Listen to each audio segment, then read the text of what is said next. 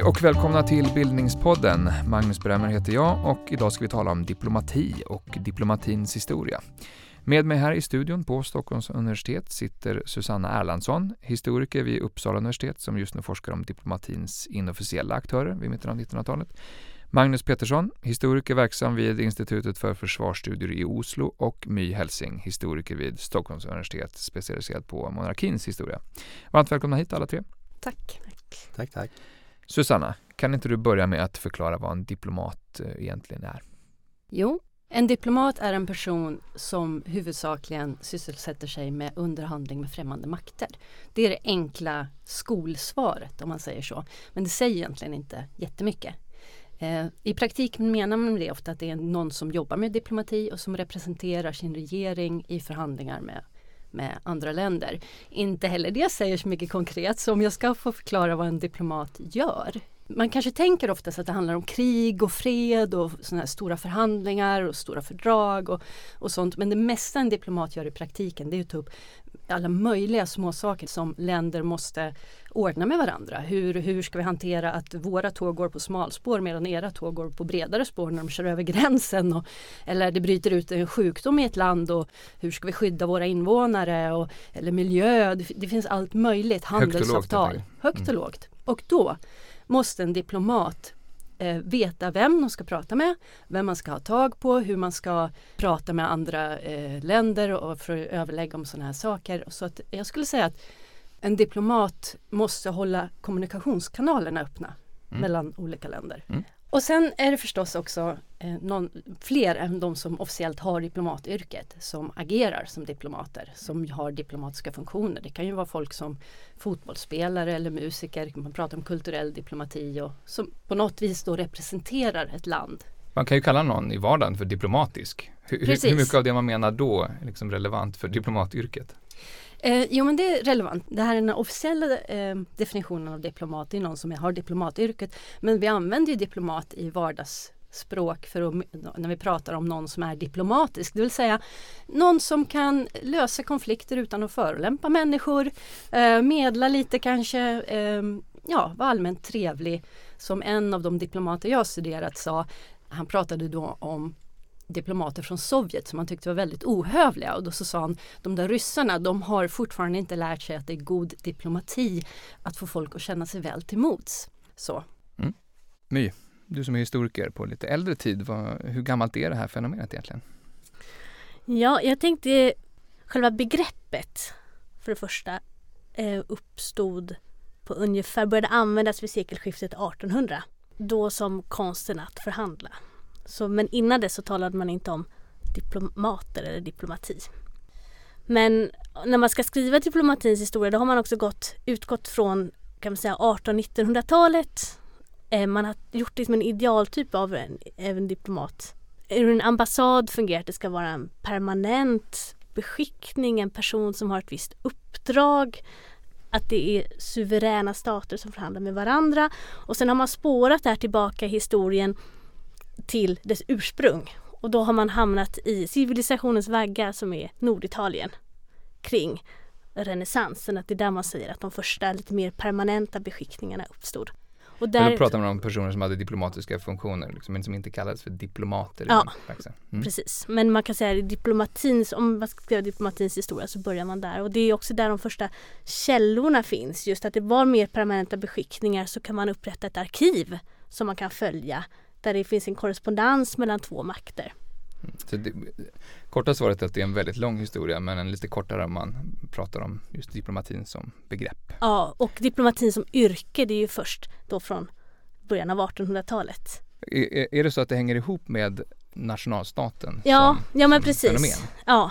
Som eh, yrkesrollen uppstår? Det är någon som är avlönad mm. och att den bor i ett särskilt residens och att det finns en, en diplomatisk hierarki och att det finns en yrkesgång, att det, att det blir ett yrke att vara diplomat. Före sekelskiftet 1800 så är det personer ofta som råkar befinna sig i landet eller som har en så stor privatförmögenhet att de kan representera ett land och de har liksom en pondus. Och då kan man säga att man blandar lite mer det personliga och det privata och det mm. såg man på 1800-talet som något väldigt fult. Så det skulle man ta avstånd ifrån Och Mm, då det blir så, jag nyfiken på varför, men det, återkommer vi till, det är jätteintressant. Eh, Magnus, du som är eh, specialiserad på utrikes och säkerhetspolitik, det, där spelar ju diplomatin en roll bland flera. Kan du inte försöka säga någonting mer om vad som utmärker diplomatens roll där? Ja, nej, staten har ju, eller regeringen har ju många, många medel till sitt förfogande för att uppnå sina målsättningar och eh, diplomatin brukar ju ofta kallas för första försvarslinjen så att säga. Vad menar man då? Att det är liksom diplomaternas uppgift att eh, se till att eh, det inte blir eh, konflikter mellan, mellan stater. Man jobbar lite förebyggande. Ja, det är det man brukar säga. Sen har ju staten också till exempel ekonomiska och militära medel till sitt förfogande men de brukar man ju vänta med tills eh, den diplomatiska, de diplomatiska samtalen har, har liksom brutit samman. Alltså de, de vill man helst inte sätta in förrän man måste. Men, men det där kan det bli lite tjafs om ibland va? Vilken, vilken roll som ska först fram. Ja, jo då, visst. Det, man kan ju signalera med militära medel också. Alltså man, kan, man brukar kalla det för strategisk kommunikation vart man till exempel grupperar sina trupper och, och sånt. Det, det är också en slags militär diplomati då. Men, Flytta fram sina positioner. ja, Eller tillbaka. till exempel. Mm. Eh, Vi återkommer till det också. Eh, Men skulle ni kunna säga ändå vilken den vanligaste missuppfattningen om vad diplomati går ut på är? Ja, eh, mitt intryck är ju att ett folk kanske tror att det är ett mer eh, lyxigt arbete sådär än vad det är på riktigt eller att det, är, det handlar om ja, cocktailpartyn i den här klassiska bilden. Och det är cocktailpartyn men de är viktiga för det är som jag sa, man ska hålla de här, ska man hålla såna här kommunikationskanaler öppna och ska du veta vem du ska ringa i en krissituation då måste du som diplomat känna den personen. Du måste veta vem det är och förhoppningsvis få den personen att svara i telefonen när du ringer. Och att lära känna så mycket folk som möjligt är alltså jätteviktigt. Och det betyder att det är mycket socialt nätverkande Mm. involverat i det. Så att jag tror att det är en, en missuppfattning är väl att tro att det där inte är så viktigt. Ja just det, okej. Magnus, vad, vad säger du om det? Nej, jag är helt enig med Susanna att, att cocktailpartyn är viktiga. Men det de sysslar med huvudsakligen är ju ta emot eh, handelsdelegationer, eh, hjälpa svenska medborgare som har mistat passet och alltså administrativa saker snarare än det här glamorösa. Och, och man kan väl också, det, det är också så att nästan alla ambassader, inte bara svenska ambassader, är ju underbemannade. Så att de jobbar ju väldigt, väldigt mycket också. Det är ju liksom ett dygnet runt jobb och, och, och, och mycket administration Mm. egentligen och inte så mycket lyx som, som, man, som man kanske tänker Inte sig. bara åtminstone. Nej, nej. Högt och lågt som du sa Mm. tidigare. Sanna. Jo men det finns ju också flera nivåer, olika nivåer i diplomatin. Jag tror att man, man tänker ett vanligt missförstånd både kring vad diplomati är och vad diplomati, historieskrivningen om diplomati är. Att man liksom rör sig på den här allra högsta nivån, ambassadörer emellan. Mm. Att det är storpolitik och att det är ett förhandlingsbord och att det där det bara sitter män i, i, i kostymer och att det är väldigt formellt och något väldigt abstrakt. Medan det egentligen är, om man tänker också vad diplomatihistoria är, så är det någonting som är väldigt vardagligt, väldigt konkret. Att man kommer till främmande land och så ska man ta sig fram och man ska lära känna folk och man ska lösa problem. Alltså de här storpolitiska problemen kan ofta brytas ned i någonting som är väldigt praktiskt. Mm. Men det har varit tidigare mer av en historieskrivning om, om den stora diplomaten som möter den andra stora diplomaten från ett annat land. Så- Ja, och mycket det här om ära och heder och liksom hur ska en bra ambassadör vara. Mm. Diplomatisk immunitet hör man ju om ibland att diplomater har. Någon som vill bara förklara vad det innebär? Det är ju ganska enkelt att man då så att säga inte kan eh, åtalas och gripas eh, i det land man befinner sig i och så vidare.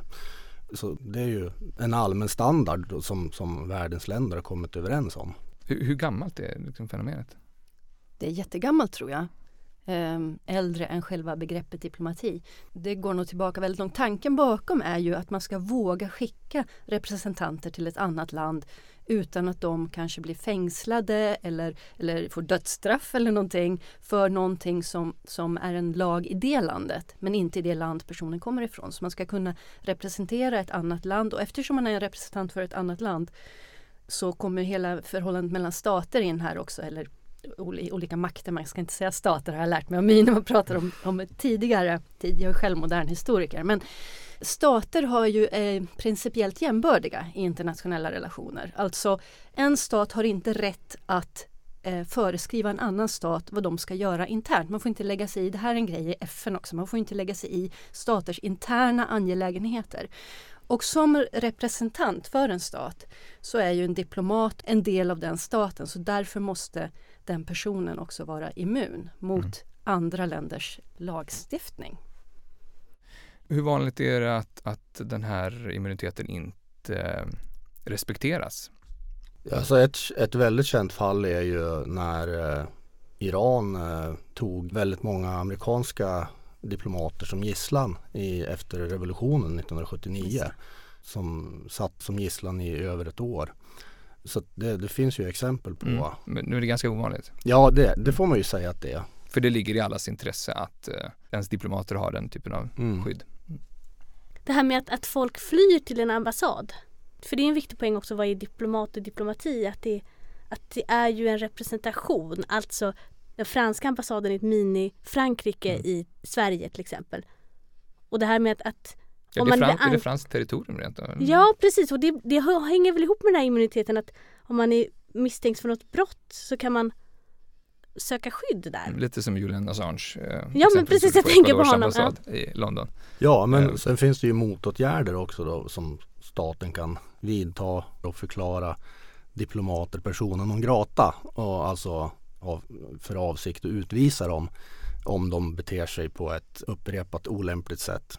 Eh, sen är det ju så också, det är ju allmänt känt att stormakterna ger ju diplomatstatus till, till underrättelsefolk. Så att i de stormakter som finns här i Sverige så, så är det ju eh, diplomater som, som faktiskt arbetar för underrättelseorgan också. De, det brukar ju ofta vara de som, som blir utvisade men det är ju lite risky business också att utvisa folk för att då brukar man prata om reciprocitet och om det är två, en form av ömsesidighet. Ja, om, om, Sverige utvisar två ryssar så eh, utvisar ryssarna två svenskar. Alltså, mm. så det här med immunitet är inte det är liksom inte absolut utan det finns, det finns möjligheter för staten också att, att uh, ta till motåtgärder. Mm. Jag tänkte en sak som är intressant med den här immuniteten är ju att det inte, den gäller ju inte bara för diplomaten eller för ambassadören, den som faktiskt har den officiella funktionen, utan även för den personens familj. Och tjänstefolk faktiskt upptäckte jag nyligen. Det är mm. ganska intressant. Så att inte de som man, om man hyr in tjänstefolk på plats, kock och chaufför och sådär, kanske man hyr in i landet där man är och då, då gäller det inte. Men om man tar med sig dem från sitt eget land eller från något annat land, då omfattas även de av, eh, av immuniteten. Och det är ju en lite intressant bild tycker jag på vem som anses vara representant för en stat. Och, och ja, vilka typer av roller som, ja. som går in i det arbetet. Precis. Mm. Innan vi eh, gör en liten fylligare historisk bakgrund så kan du säga någonting om, om Sveriges roll i, i diplomatin, diplomatins historia? Har den utmärkt sig på något sätt? Eller så? Sverige är ju ett land som, som gärna har försökt medla i konflikter. Folke Bernadotte tidigt ute, slutet av 40-talet, Mellanöstern, eh, Olof Palme, Iran-Irak-kriget på 80-talet. Och också haft liksom olika typer av uppdrag. Eh, Carl Bildt var ju, var ju FNs representant i Bosnien eh, under återuppbyggnaden efter kriget och så vidare. Så det finns ju en tradition av, av svensk, eh, svensk diplomati där man, där man då har både upplevt sig själv och, och upplevts av andra som en, som en pålitlig och duktig medlare. Är det så att det alltid har gått genom mellanstatliga organ som FN eller så eller har man tagit den typen av initiativ på egen hand? Att Ja, det, nu ska vi medla det, er konflikt. Det förekommer både och. Mm. Ja, jag skulle vilja tillägga till det att, att, traditionellt, med, det beror på hur långt man går tillbaka i tiden. Eh, nu både Magnus och jag är modern historiker och jag skulle gissa att My kanske har en liten annan uppfattning om hur, hur mycket Sverige hade den här fredliga och medlande rollen om man går tillbaka lite längre i tiden. Men eh, om man tittar i modern tid och, och speciellt 1900-talet då, då har ju Sverige jobbat på att bygga upp en bild av sig själv som medlare och som en sorts moralisk stormakt. Vi kanske är små men moraliskt sett är vi högstående och så. Men det är inte en unik roll för Sverige. Det finns andra mindre länder som Nederländerna har också en, en, en liknande roll som medlare och där man framställer sig själv som, som en sorts guide-nation. Vi kanske inte är så stora men vi är föregångare, vi är progressiva och sådana här mm. saker. Men Sverige hade ju, och, och, särskilt på grund av andra världskriget kanske att Sverige inte var inblandat i det, så fick ju Sverige då eh, en sån här roll som skyddsmakt för väldigt många andra länder. Och på så sätt skapa sig en position internationellt som ett land som kunde gå in som en neutral part och medla och sådär. Mm. Hur ser det ut i äldre historia? Stormaktstiden, ja, hur nej, diplomatiska var vi då? Ja, men jag tänker om man skulle se det ut, lite utifrån ett längre historiskt perspektiv då så tror jag egentligen att man när det, alltså för det första så är det ju en, en, en roll som är som går att ta, alltså den moraliska stormakten och den medlande makten är ju möjlig om man, är, om man inte är så betydelsefull. för att annars blir ju folk upprörda. Så, så det, det är en tacksam roll och jag tänker att man kanske också historieskrivningen kring det här har varit väldigt aktiv just och fokuserat på efterkrigstiden och också projicerat det bakåt. Ehm, om man tittar på alla de krig som Sverige har försökt att starta eller försökt att engagera sig i men som det inte lyckades av något skäl så är vi ju, då är vi ju redan framme vid ja, sekelskiftet 1900. Så att historiskt sett så är det en väldigt, det är en parentes skulle jag vilja säga den här att man har haft det privilegiet att kunna ha den här rollen. Mm. Att inte göra någon upprörd. Vi har blivit tillräckligt små och moraliskt högtstående uppenbarligen. Um, fint. Om vi, om vi går tillbaka till liksom när begreppet uh, myntas, tidigt 1800-tal sa du. 1815 har jag läst någonstans. Det, stämmer det? Alltså det är liksom början på 1815 blir en epokgräns för att det är där man liksom kan se ordning efter det kaos som var under franska revolutionen. Så att man delar upp diplomatins historia i olika epoker. Då man kanske börjar någonstans där kring 14-1500-talet och så går man fram oftast fram till 1648. Och det är också ett fredsslut efter 30-åriga kriget, katastrof. Och det här är också då väldigt eurocentriskt men jag säger att de europeiska stormakterna träffades tillsammans och sen så eh, gjorde man en fredsuppgörelse och man skapade ett system för diplomatin om vilka man gjorde rangordning av olika stater. Vem som skulle vara högst och så, liksom, så, så fick man liksom ordnade diplomatin. Men det är så att ordet också kan eh, dateras till? Ungefär 1815? Ja. ja men det är nog lite mer, eh, det är inte nog från ett datum till ett annat. Ja. Men 1815 är ju ett nytt system. Och där kan man se att mm, där börjar det här med yrkesdiplomati ungefär. Liksom rollen mer. Ja, mm. och, och, man har den här balansen efter Napo Napoleon tog för mycket plats. Och så har man återbringat ordning och så, så har man bestämt att det ska finnas en balans och liksom regler. Jag kan inte här i detalj men hur vem som får anfalla vem och, och hur mm. man ska förhandla och det är där man börjar tala om att det är stater som förhandlar och att genom att skicka en representant, en, en, en diplomat och få den erkänd i ett annat land så blir man erkänd som suverän nation. Mm. Före det så talar man inte om stater som... Man erkänner varandra så att säga. Ja, mm. det är ett sätt att, er, att bli en stat. Mm. Och liksom erkännas i det här internationella systemet. Okej, okay, men då kan man ju förstå att mycket av det ni har pratat om hittills börjar så att säga etableras. Men hur, hur liksom, västerländsk är den här företeelsen? Nu pratar vi om västerländska händelser. Ja, alltså i modern tid så har ju västvärlden eh, varit väldigt dominerande det betyder inte att det inte fanns diplomati, diplomatiska rörelser i andra delar men det, som, det system som uppkom då i modern tid, det är ju väldigt europeiskt och det ser man ju också i, det ser man ju fortfarande idag om man tittar på hur diplomater klär sig och de flesta diplomater även från, från ja, var de än kommer från eh, i världen tar ju på sig en kostym som egentligen är en sorts europeisk uniform kanske man kan säga. Så det, är, det finns en jättestor risk man, när man studerar diplomati att det blir väldigt eurocentriskt. Men det kommer sig också av att det som vi, de begrepp som vi använder kom, är europeiska mm. begrepp. Vad, vad, betyder ordet någonting? Vet du någonting etymologiskt om detta ord? Ordet diplomat kommer från grekiskans brev. Som handlar om att man för att symbolen för att vara en diplomat är det kreditivbrev som man får när man blir utmätt. Man har med sig det på resan till det främmande eh, landet. Mm. Och det är bevis då i, de, i det främmande landets ögon att man har den här statusen och de här juridiska rättigheterna. När skulle du säga att diplomatin då får sin moderna form, alltså som vi känner den idag? Ja, det, jag tycker det är intressant att du säger när, när fick vi modern diplomati? För någonstans tänker jag vi har fortfarande ingen modern diplomati. Förklara vad du menar. Ja, den är så traditionell. Det, saker förändras väldigt långsamt i diplomatins värld och det har ju att göra med att man behöver någon sorts gemensamt språk mellan olika länder så att, så att alla normer, alla protokoll, regler, allt sånt här outtalat det förändras extremt långsamt för att det är svårt att göra snabba förändringar eh, i, i sådana relationer som, som bygger på att alla på något vis kan förstå varandra och därför skulle jag säga att diplomatin är väldigt trögrörlig. Det är det jag menar när jag säger fortfarande inte modern på, på vissa sätt. Eh, Men så här, utrikesdepartement och den här liksom, eh, infrastrukturen. Magnus, när är det liksom när? Alltså det som har- tillkommit under 1900-talet det är ju först efter första världskriget då när Nationernas förbund bildas att man får en, en permanent så att säga ett permanent organ för representanter för de olika länderna som, som har till huvuduppgift att egentligen lösa konflikter och att det inte ska uppstå ett världskrig igen. Nu lyckades ju inte det under mellankrigstiden men man gjorde ju ett nytt försök med FN eh, efter andra världskriget och eh, sen dess har vi ju faktiskt inte haft eh, något världskrig, alltså något absolut krig mellan stormakterna i, i det internationella systemet.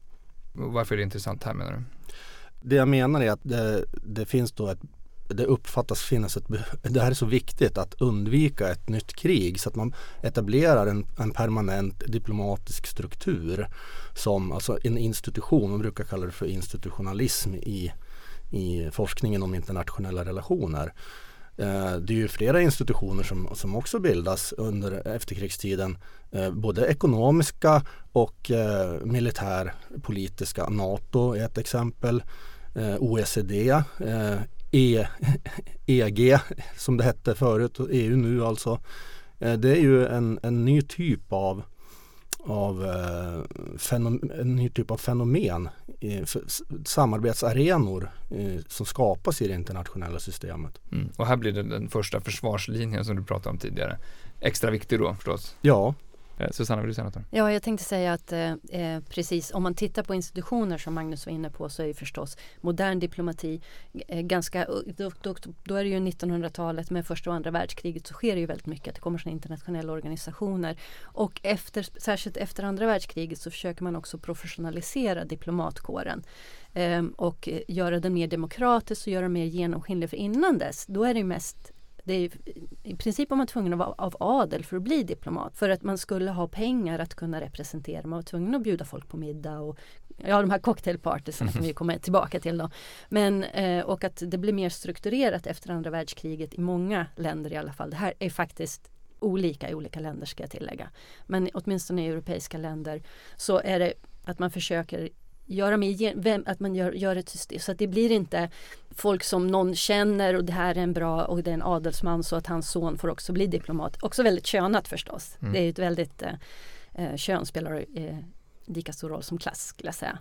Men eh, de, man försöker att införa, man inför en diplomatexamen, man ska ha vissa formella kriterier så man börjar betona kompetenser istället för bakgrund. När är det här Men- i tiden ungefär? Det här, är, det här är efter andra världskriget de flesta europeiska, i alla fall nordeuropeiska eh, utrikesdepartement börjar införa sådana här vad heter det, formulär så att man, man, man ska bedöma diplomater på deras kompetenser och sånt där och inte bara på bakgrund. Men samtidigt så finns det kvar för att de eh, Egentligen så, jag tror det är Nevra Bilteken som har sagt det, att hon Det här ser är en, de en, här en genushistoriker eller Ja precis, hon har, hon har skrivit om diplomatin på 1900-talet eh, Ehm, här vid Stockholms universitet.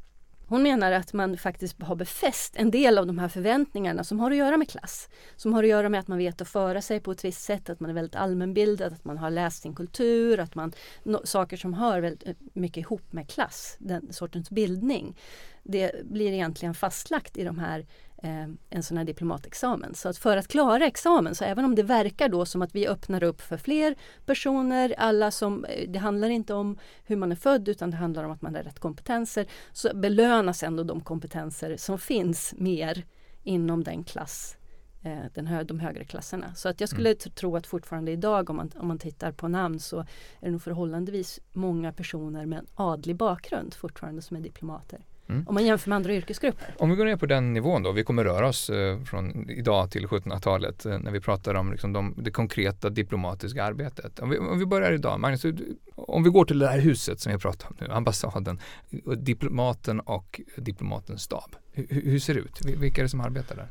Ja, vi kanske ska börja med det hus som ligger på Gustav Adolfs torg istället, nämligen Utrikesdepartementet. Ja, börja där. För de här personerna tillhör ju den organisationen mm. och eh, Utrikesdepartementet är ju det överlägset största eh, departement eh, som vi har i regeringskansliet. Det har ett par tusen anställda. De andra departementen har normalt sett ett par hundra anställda och det beror ju då på att Sverige har ambassader i ungefär hundra länder och det finns ju ungefär 200 länder i världen så att många av de här ambassadörerna då, och ambassadpersonalen är ju sidoackrediterade då till andra eh, närliggande länder ofta. Och, och sen UDs organisation då, den har ju skiftat ganska mycket genom åren. Det finns ju förstås en spänning då mellan till exempel om man ska dela in UD i regioner eller om man ska dela in det i sakfrågor och just nu så tror att det finns både och i, i UDs organisation. Mm. Sen är det ju så att de här diplomaterna de eh, det är inte så att de antingen, eller jo det är det ju, de sitter ju antingen på UD eller så är de ute. Men när de har varit ute i fyra år, det är så här normalt. Då kommer de tillbaka och tjänstgör på UD i, i fyra år innan de får en ny post. Så det, det är en väldigt sån eh, också om man vill göra karriär då inom, inom UD och, och, bli ambassadör så småningom så måste man anpassa sig till det här systemet då att, mm. att växla, växla med utlandsuppdrag och, och tjänstgöra hemma på UD.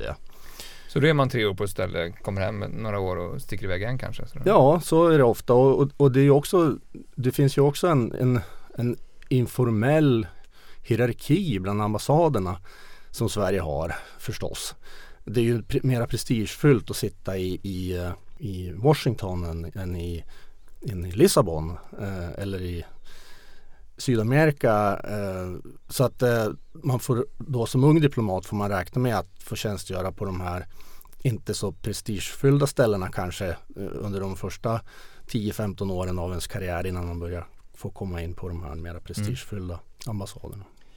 Men och själva ambassadhuset då? Ge oss en bild av vad som försiggår där, vilka som är där. Ja, det, det kan ju vara Det är flera hus det, naturligtvis. Det ja, eller in, inte säkert. Det kan vara så att man brukar skilja på res, residenset mm. där ambassadören bor så att säga och ambassaden behöver inte vara samma byggnad. Men, ja, det, men det är ofta det. är många hus i olika delar av världen som ser olika ja, ut. Ja, det är, många, ja, det är väldigt, väldigt många olika och, och, det där beror ju på storlek, alltså storleken på ambassaderna beror just på bland annat på den här ja, viktigheten då, som, som Sverige fäster vid det, det här landet. Och där har man ju generellt sett då större ambassader i, i stormakter till exempel eh, som, som USA, Ryssland, Frankrike, Storbritannien, eh, Kina men också eh, kan man ha ganska stora ambassader i, i länder som man ger mycket bistånd till i Afrika till exempel. Går, går det att säga någonting om ungefär hur många som, som jobbar på en, en typisk eh, normalstor ja, svensk ambassad? Det, och jag, jag sa tidigare att de är oftast väldigt underbemannade. I de flesta fall så är det en handfull personer och sen har man då lokalt anställda utöver det, alltså från landet där ambassaden ligger då, som chaufförer och kockar och, och den typen av, av eh, ja, eh, tjänstepersonal. Hur många får plats i din hand då menar du? Ja men fem. Fem stycken? Det är inte ovanligt. Mm. Eh, men i stormakterna då, då kanske man har 50. Så att det, det är ungefär det spannet vi pratar om. Mm. Susanna, du har intresserat dig för diplomatins aktörer. Mm. Vilka är det som gör det diplomatiska arbetet? Apropå att man lätt att man har fokuserat på diplomaten eh, i, i singularis. Ja, eh, ja, min forskning handlar ju om 1940 och 50-talet framförallt så det har ändrats lite grann till idag, den, tror jag. Men eh, Eh, jag tittar framförallt på diplomatparet som ett par. Under den här perioden och 1940-talet är den period då de första kvinnliga diplomaterna dyker upp eh, i princip. Det finns ju någon, någon enstaka undantag tidigare. Eh, men ändå så är på 1940 och 50-talet fortfarande diplomatyrket egentligen ett jobb för två personer. Det är en diplomat och hans fru. Och jag faktiskt nyss, förra veckan så var jag, eh, satt jag i arkiv och läste kärleksbrev från 1930-talet. Det är sånt här roligt man får göra när man är historiker. och det här, de här kärleksbreven läste jag ju förstås inte bara så här godtyckligt utan de var skrivna av en diplomat som uppvaktade en kvinna som han ville och, och kom att gifta sig med. Medan han var diplomat? Medan han var mm. diplomat. Han var redan diplomat, han var en bra bit äldre än hon och hon var inte särskilt intresserad i början. Och han använder det här som för att skärma henne. Så i de här breven så står det att ja, nu måste jag gå till mitt jobb. Eh, det är nog det jobb där eh, frun är nästan viktigare än maken. Eh, av alla, alla jobb så har hon en så otroligt viktig roll och du skulle bli en så fantastiskt bra diplomatfru, du som är så vacker och så smart. Sådana saker skrev han till henne. Och det är ju intressant, uppenbarligen föll hon för det dessutom. Så att, eh, för de gifte sig så småningom. Och eh, det var jätteviktigt för, för att man har, man, man två personer så kan man ju nätverka mer. Mm. Och eh, det är mer representativt, det är trevligare att kanske bjuda ett par på middag än, än bara en, en kar. Och, och, så jag har tittat mycket på vad de gjorde eh, från dag till dag. Och nu menar jag inte att hon, hon var inte involverad i eh, politiska beslut eller så. Hon, var ju inte, hon följde ju liksom inte med honom på hans jobb när han satt i FNs säkerhetsråd. Men däremot så var hon jätteviktig i det här dagliga diplomatiska arbetet och det var verkligen ett arbete. Det var inte någonting hon kunde välja bort. Det var här var en erkänd roll? Så att säga. Det var en erkänd roll och på den tiden så var det, det var inget konstigt, det var inget som det hymlades med. Men det här är kanske en sak som verkligen har missats i, i ehm, Eh, Eh, i vad folk ser. För att en sak som sägs väldigt mycket om diplomatin det är att det är en traditionellt väldigt manlig värld. Och det är sant på så sätt att man eh, väldigt länge var tvungen att vara man för att bli diplomat och det är fortfarande så att de flesta ambassadörer, de som har högre rankade eh, diplomater, de, är, de flesta är män. Men däremot så har det alltid funnits kvinnor med det alltid, de har också alltid spelat en roll. Men just, de var inte officiellt, de var förstås inte anställda av staten men de, de hörde till mannen så att säga. Det var två för priset av en. Hur kunde den rollen se ut då? Ett konkret exempel på hur? Jo, eh, dels handlar det om det här sociala, att organisera middagar. De hade ofta gäster på helgerna och det handlade både om att umgås med kanske om man var ambassadör så, så tog ambassadörsfrun hand om eh, fruarna till de lägre rankade som jobbade på ambassaden och man hade kanske middagar för hela ambassaden så det handlade om att svetsa, svetsa ihop Eh, det egna eh, eh, teamet. Men det handlade ju också förstås om att försöka få rätt personer på middag, att lära känna så många som möjligt och att om man hade trevlig och avspänd atmosfär. Det kunde också vara ett sätt att göra någonting personligt.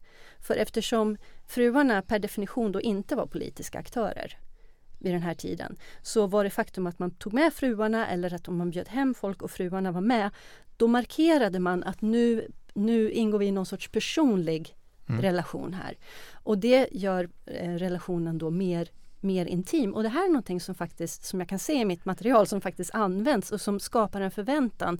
Jag har hittat eh, vissa indikationer på att när det tas politiska beslut att de faktiskt uppfattar det som en följd av sina vänskapliga relationer. Eller om någon gör någonting som är i det här fallet handlar det om ett nederländskt diplomatpar. Om någon gör någonting som är mot nederländska intressen. Att de blir lite upprörda. Vi som var så goda vänner.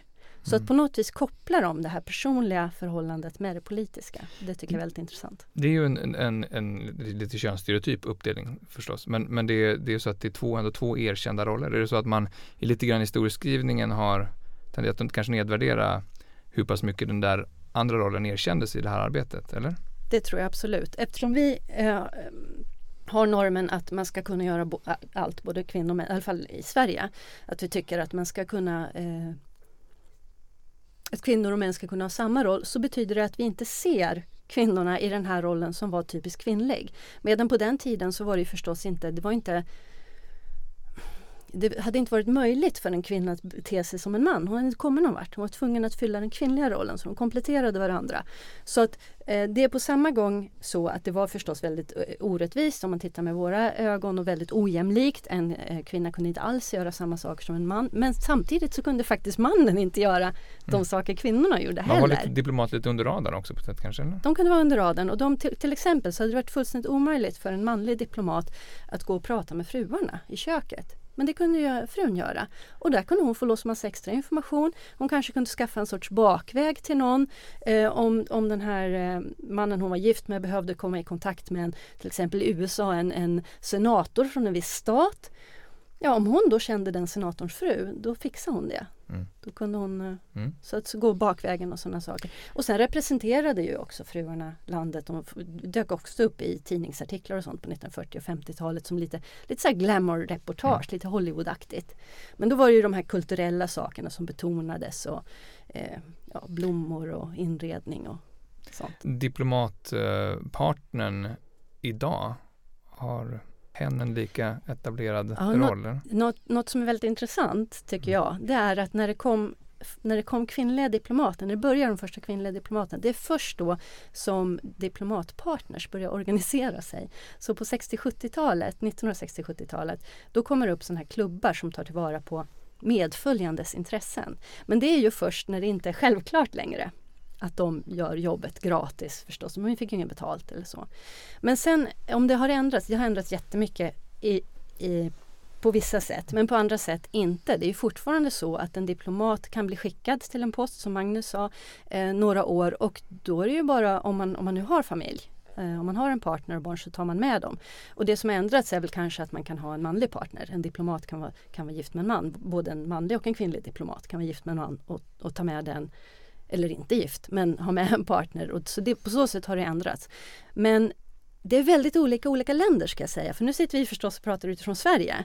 Men jag pratade ganska nyligen om min forskning för den internationella diplomatkåren i Stockholm. Och jag var, då berättade jag mycket om hur det var på 1940-50-talet. Jag var helt chockad att höra att många av dem sa "Åh, precis så där är det. Mm. Så att jag tror att det är olika olika länder.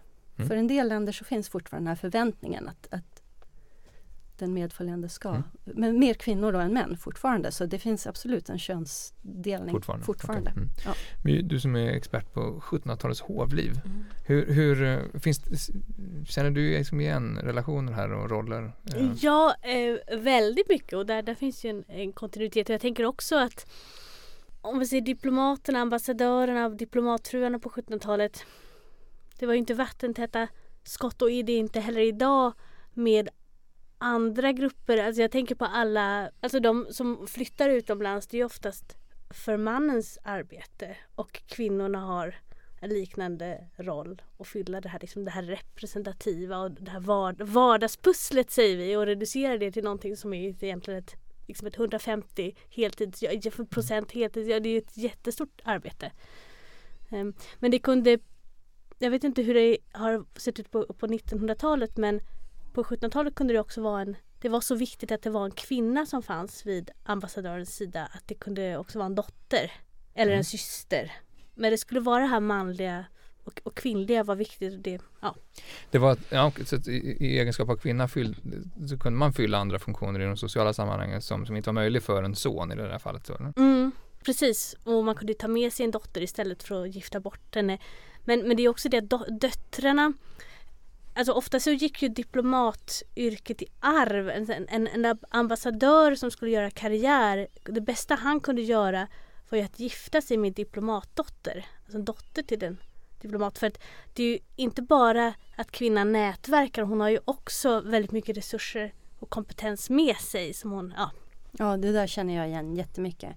Och eh, nu kom jag på, eftersom vi pratade om immunitet tidigare, att det har jag faktiskt läst någonstans att en ogift eh, diplomat kan också få immunitet utsträckt till antingen sin mor eller sin syster. Om han bor tillsammans med dem. Mhm. Så det säger också någonting om vikten av att ha en, kvinna vid sin sida. Och det är fortfarande på 1940-50-talet jätteviktigt. Det går att bli diplomat utan att vara gift och det går men det är väldigt få som gör karriär eh, till de högsta posterna om de inte är gifta. Det handlar om liksom något socialt anseende, ett, ett, liksom samhället. Och där kommer vi också till diplomatihistorien som ett fönster in i, i samhälleliga värderingar i en viss tid, en viss region, visst land. Att, att man kan se där liksom hur, man värderar. Mm. Ni beskriver ju eh, situationer nu som kanske är mer just förebyggande i den där betydelsen som du var inne på Magnus. Men är det, har diplomaten en annan typ av roll när det liksom hettar till, när det är en, en specifik krigssituation? Använder man diplomaten på ett, på ett annat sätt? Nej, alltså oftast är det ju då eh, andra länders diplomater som, som träder in och försöker medla i, i, i, i krig och sånt som jag nämnde här med Palme och Iran och Irak till exempel. Så för man, man, man stänger ju sina, om man är i krig med varandra så stänger man ju sina ambassader i, i det land som man är i krig med normalt sett. Så, så att, eh, som en säkerhetsåtgärd? Ja, precis. Och, och eh, det finns ju också, Susanna nämnde det här med skyddsmakt. Alltså Sverige är ju skyddsmakt åt, åt USA i, i Nordkorea till exempel. Och eh, i... Vad innebär det då konkret? Ja, det är ju att man tar då tillvara USAs intressen gentemot Nordkorea eh, på, bäst, på, på, på, bästa sätt. Ja, att man har USAs eh, godkännande för det då eftersom de inte själva har en, en ambassad i det landet helt enkelt. Mm. Eh, så det, det, är ju sånt som man gör. Men sen en sak som vi inte har nämnt så mycket det är ju bistånd. Vi har ju en, Sverige har också en väldigt stark tradition av, av, av biståndsgivare. Och det är också en slags diplomati. Eh, svensk bistånd är ju en, en, det är ju ungefär 1 procent av, av, BNP som går till bistånd. Det är ungefär 50 miljarder per år. Eh, så den, genom biståndet kan man också utöva diplomati. Och i Sveriges fall då så har det handlat ofta mycket om förstås fattigdomslindring men också eh, att eh, bygga demokratiska värderingar i, i andra länder Eh, bygga upp eh, rättsstater och så vidare i, i eh, utvecklingsländer. Mm. Det, apropå högt och lågt som jag sagt några gånger nu, det är verkligen på väldigt många olika nivåer som det här arbetet pågår och väldigt många olika typer av, av, eh, av roller. För det, ni, det du beskriver Susanna är ju, är ju du har varit redaktör för en bok som heter Tillit och diplomati. Ja. Och där talar vi om väldigt personliga relationer och till och med relationer där man känner tillit till varandra och så. Mm. Um, hur, eh, säg något om, om liksom vad det innebär och kanske hur det hänger ihop med liksom, det, det mer storskaliga. Liksom. Ja precis. Ja, det är det som är utmaningen. Att knyta ihop det här, tycker jag. Det här, de här personliga relationerna med, med storpolitiken. Eh, för jag tror att det hänger ihop men det är inte alltid så lätt att påvisa exakt hur.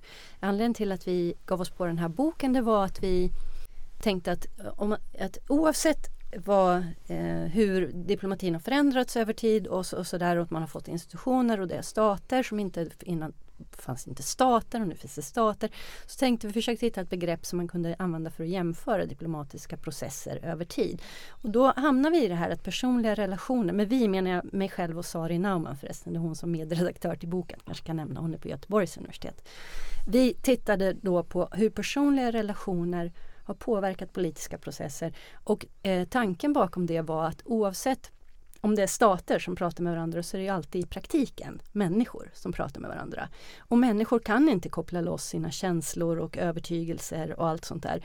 Och därför är personlig tillit eh, spelar en roll även för tillit mellan stater det är ju ganska intressant tycker jag att vi pratar ibland om like-minded nations och sådana här saker och de som vi, ja men vi, vi svenskar vi är ju ganska lika eh, norrmän och danskar och holländare och sådär men vi förstår oss mindre på andra och det har ju att göra med tillit, att man känner mer tillit ofta till folk som man känner att man liknar på något sätt. Så det är väl både strukturellt och personligt. Mm.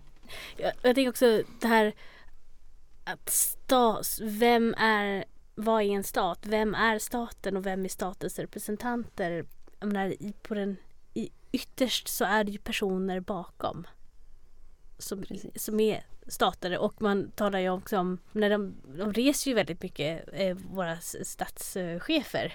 Det är liksom viktigt ändå att folk träffas på EU-nivå. Kan man inte åka själv så sänder man någon, skickar man någon lite lägre ner i hierarkin. Men att jag menar, de hade ju kunnat ha en telefonkonferens men det är det här um, umgänget. Det är det som är kittet i, mm. i staten och en person som har varit med länge och det gäller ju både 1700-talet och idag har en större trovärdighet.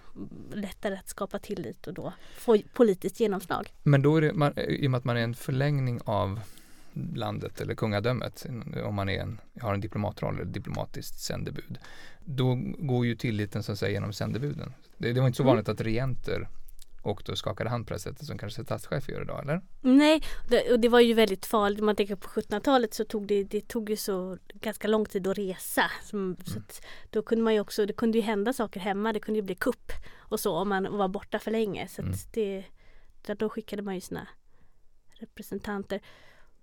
Um, men, hur, men, hur, liksom, hur, säga, hur, informella kunde deras relationer bli? Man var diplomatiskt sändebud utsänd någonstans så var man också ganska långt hemifrån. Så. Ja och det är det som spelar apropå det som Magnus sa att diplomater ska vara tjänstgöra några år utomlands och sen så ska de komma tillbaka. Och där finns ju en idé om att de inte ska bli för, för långt från moderlandet, att man ska ha lite kontroll över dem. Och, och det finns ju alltid en spänning i rollen som alltid har funnits där men som man kanske när man när med yrkets professionalisering på 1800-talet så vill man också kanske distansera sig för det, det finns en, va, en vanlig kritik mot diplomater att de i alla fall historiskt, jag vet inte hur det är nu, att de skor sig på, de, de eh, tar mutor eller att de, de representerar Frankrike kanske men de blir väldigt, berikar sig själva genom att föra in varor tullfritt. För det var också en sån juridisk rätt man hade mm. som man kunde sälja vidare sen. Så att man kunde, det var väldigt lukrativt. Um, så, så att man både, man både kunde ge och ta mutor. Mm. Vad säger du om det Magnus? Är det ett problem idag? Nej det har jag väl svårt att tro. det är ju så väldigt eh, genomreglerat idag. Eh, så det i varje fall inte om man, om man tänker på, på Sverige och, och, mm. och eh, väst, västerländska länder. Men om vi bara skulle börja försöka göra den där kopplingen mellan den, den personliga tilliten mellan personer till liksom den, den mer storskaliga internationella nivån. Hur, hur, I den där mixen av roller, eh, utrikespolitiska ja. rollerna, eh, vi har militären, vi har de ekonomiska medlen, så har vi de här personerna som ska bygga relationer någonstans. Hur, eh, finns det konflikter som kan uppstå där och tilltron till tilliten så att säga på personlig nivå? Ja, alltså vi var ju inne lite grann på det här förut med att UD tidigare i varje fall då befolkades väldigt mycket av, av adels personer eh, och var då följaktligen en ganska konservativ organisation. Och det där ställer ju till problem och det har ju forskningen tydligt visat på, på 40 och 50-talet när, när Socialdemokraterna sitter i regering och, och upp, upplever då att, att, att UD så att säga eh, hindrar den socialdemokratiska regeringens neutralitetspolitik att genomföras fullt ut. Så att förvaltningen obstruerar så att säga regeringens vilja i viss, i viss utsträckning. Ja, att man då helt enkelt inte alltid följer till punkt och pricka de, de så att säga politiska avsikterna som, som regeringen har.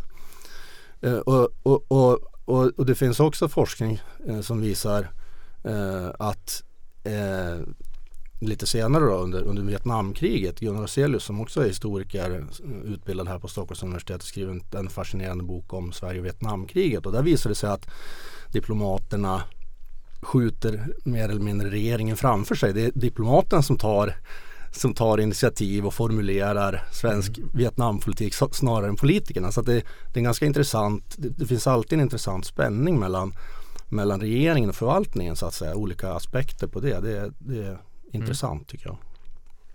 Ja, jag tänkte haka på där för jag har läst en nyligen jätteintressant forskning om Henry Kissinger som är lite känd som så här realist men Säg något kort om vem han Ja, förlåt. Uh, han var ju uh, utrikesminister kan man säga det när man pratar om uh, USA. Utrikesminister under Nixon bland annat och han åkte då och USAs vägnar till Kina vid, som första, när det var första gången på väldigt länge som USA sände någon till Kina. Och han eh, gjorde massa saker där helt på eget bevåg och med sina egna idéer och eh, också mycket att han sa att jag går bort statshemligheter och sånt där för att skapa en bra personlig relation där. Så att det kan ju ibland vara lite um, svårt att se. Att, jobbar de nu i statens intresse eller i sitt eget intresse för att skaffa sin egen position? Så den kritiken finns ju. Samtidigt är det ibland tvärtom också att har man stort förtroende för en stat bakom en diplomat så kan ju det påverka det personliga förtroendet mm. också.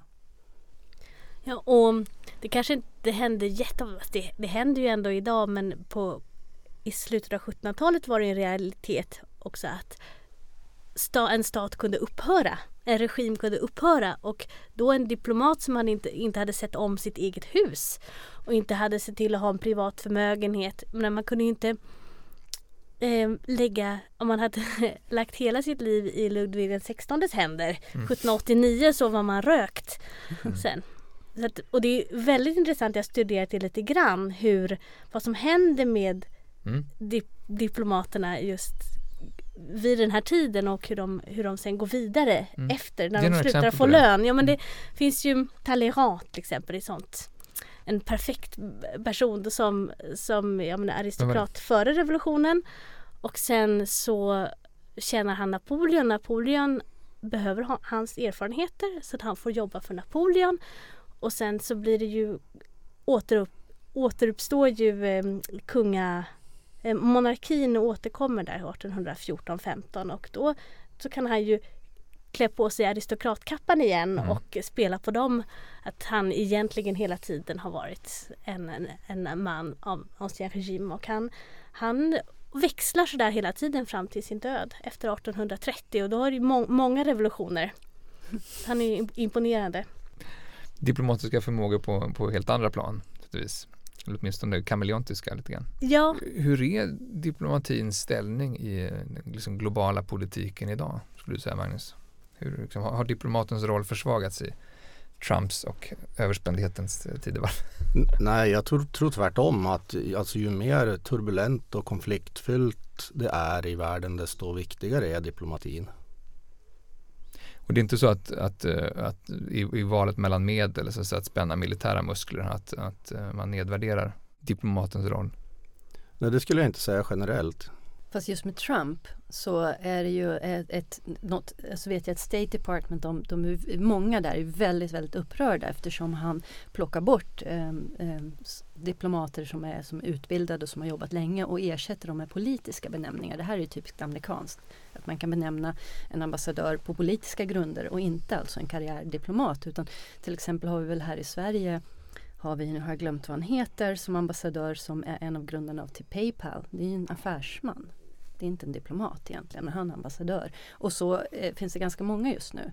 Så att det finns ju någon sorts eh, glidning, tänker jag ändå, i, i, vem som kan vara en diplomat och vem som är en ambassadör. Och, eh, det är många som kritiserar det här och säger att det är jättefarligt på grund av precis det Magnus säger, att vi behöver diplomater mer än någonsin. Och sen så placeras människor där som inte har en aning om hur diplomati fungerar. Men vi får väl se hur det går. Ja, nej, och sen ska man ju i sanningens namn också säga att Sverige också har gjort politiska utnämningar av ambassadörer genom, genom åren.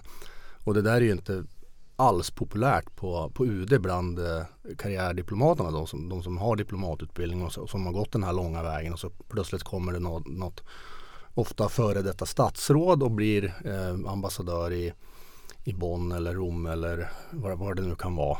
Eh, det, det ses ju väldigt eh, i en svensk kontext väldigt illa från professionens sida så att säga.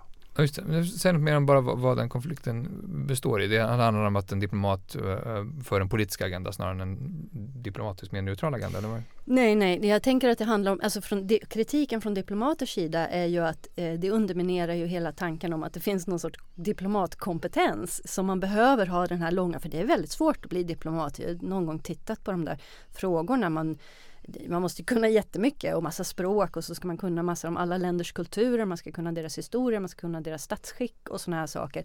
Och så, så kan man ju tänka sig att från professionens sida om man har gjort allt det här jobbet och skaffat sig de kompetenserna och lärt sig hur man ska föra sig och så kommer någon bara och swisha förbi i, i någon gräddfil som inte har det så tycker man att det är problematiskt.